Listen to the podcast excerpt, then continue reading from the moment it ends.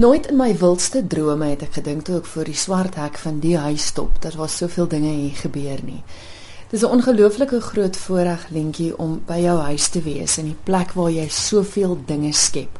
Dis die kunstenaar Lentjie de Bruin by wie ek vandag kuier. En 'n uh, Lentjie, jy het 'n leeftyd se kreatiwiteit agter die rug. En ek dink om alles vas te vang wat jy oor die jare gedoen het, gaan ek en jy vir baie lank moet gesels. Waar het alles vir jou begin? Ek dink vandat ek kan onthou, was daar vir my niks lekkerder as om iets moois te maak nie. En ehm um, ek het maar altyd gewerk met met met goed en dan mag ek in my pa in die motorhuis ingaan. Mag ek sy gereedskap gebruik op een voorwaarde en dit is dat as hy tuis kom, moet hy dit nie sien nie, ek moet dit opruim. En dit dit dit het nog al 'n blywende indruk op my gemaak. Want ek moet sê alles is nogals redelik netjies. Ons is in die ateljee ook gewees en dis 'n netjiese ateljee.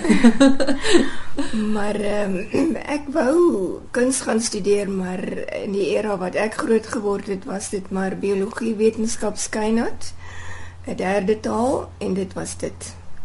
So ek het nie kuns op skool gehad nie, maar na matriek het ek baie mooi gevra of ek kuns kan studeer en toe het my ouers gesê dit is eintlik wil hulle dit nie hê nie. So ek het uh, ek moes baklei om om kuns te gaan studeer. Hulle ek ek was by die onderwyskollege waar jy vir kunsonderwys opgelei kon word vir 1 jaar, maar ek was sielsongelukkig. Toe het ek my sakgeld geneem en ek het gaan inskryf by die Pretoria se Technikon se kunsfakulteit. En dit was wonderjare, absolute wonderjare. Ek het fantastiese um, lektore gehad, Sakkie Elof, Robert Hodgins, Albert Werk, Leo Tron, Maxie Steitler. Ons het ons het regtig dit was ontdekkingsjare vir my. Kom miskien 'n interessante dingetjie vertel wat ek graag vir ander studente sal wil aanstuur. Ehm um, in my eerste jare het dit ontsettend goed gegaan, te goed gegaan, want ek moes in elk geval teen my ouers bewys wat baie ontstel was wat ek nou die regte ding gedoen het. En net toe kom ek in my tweede jaar en uh, toe kry ek 'n vrees vir wit papier. En ehm um, as ek dit gekry het vir al in sakkie se klas, sakkie Elofna.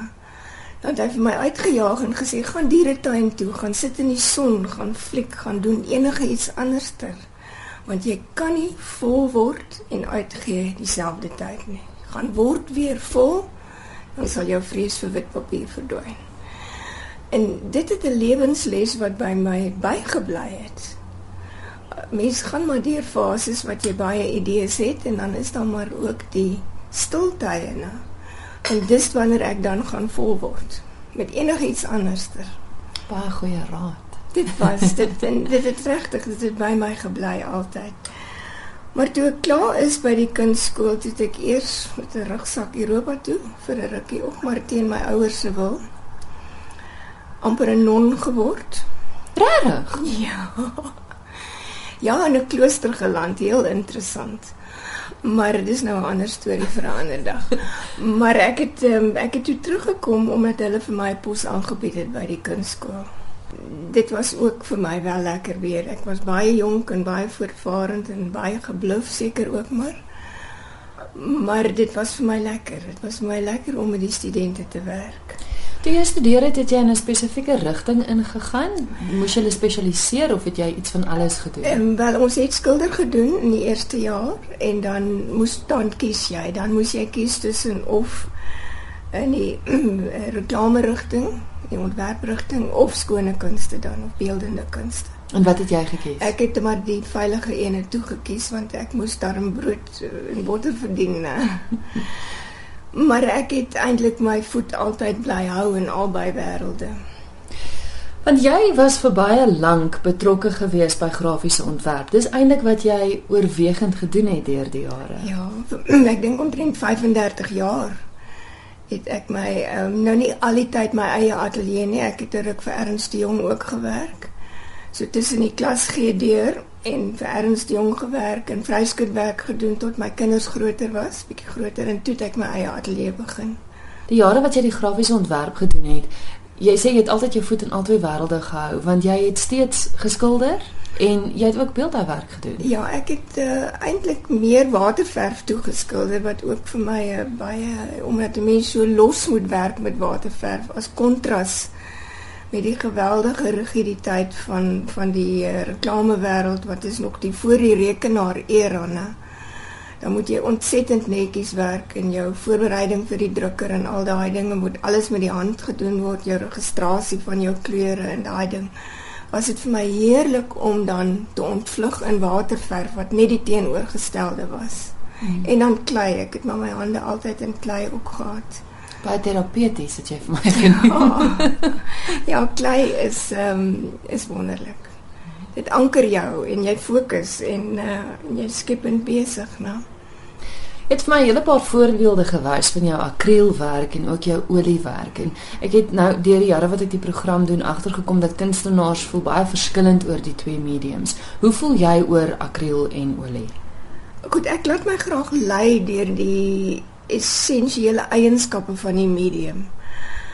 En akriel is wesentlik vir my verskillend met olie en akriel hoofsaaklik omdat dit uh, so vinnig droog kan jy opbou en jy kan goed daarin druk en jy kan mooi teksture opbou in akriel wat nie so maklik in olie en nie so gou in olie werk nie. So as ek met akriel werk, dan dink ek aan verandering en beweging en groei en en dinamiese skadu-effekte en dit tipe ding. Waarby as ek in olie werk, is vir my meer 'n mediterende medium. Daar's tyd, jy het tyd, jy neem tyd en my oliewerke is lyk heel anders as my akrielwerke omdat vir my die medium wesentlik verskil. Ek sal nie sê ek verkies die een bo die ander een. Dit hang af van watter baie ek is. Dit is interessant wat jy sê, dit is totaal en al uitlopende verskillende werke want jou akriel het hierdie dik opgeboude laag en ons het na van jou oliewerk gekyk en dis dis hierdie hierdie rustige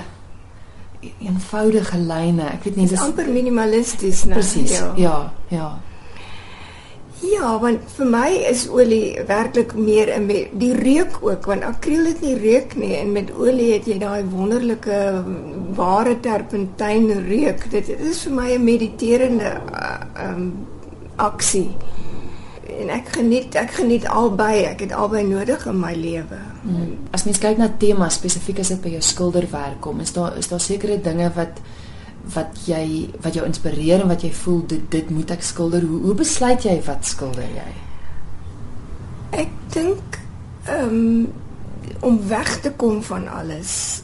Eh, 'n Mens word so gebombardeer met ehm um, met dinge en inligting is so vrylik beskikbaar en ek is so nuuskierig dat ek het basies wel tye nodig om weg te kom daarvan. So in my skilderwerk sal jy nooit aanduiding van mense kry nie. Dis stil landskappe, dis dikwels net wolke. Ehm um, daar's nie eers 'n paadjie nou en dan hier en daar miskien uitsonderlik sal jy 'n ou paadjie sien in my werk waar mense dalk was maar dit is vir my 'n ontvlugting amper in die niksheid. Mm. Want natuur speel 'n besonderse groot rol in jou werk. Ek dink dit het dalk te maak met die feit dat jy in 'n absolute paradys bly, maar ek kan sien dat natuur vir jou belangrik is en dat dit is waar jy ontvlugting kry. Ja, ja, maar ook uh, innerlike stilte, né? Mm. Dit is dis vir my 'n mediterende uh, fase as ek skilder en ek onttrek my ook baie sterk van die samelewing wanneer ek met olie werk. Ek gee nie om as iemand my pla as ek met die akriel besig is nie. Maar ek wil nie gepla word as ek met die olie werk nie. Dit is vir my 'n soort heiligheid, né? Dis miskien omdat die medium ook so oud is. Daar is net vir my meer veroudering in olie, die geskiedenis, die kultuur, die tyd, die ontwikkeling van die verf. Dis dis 'n ander 'n ander gevoel.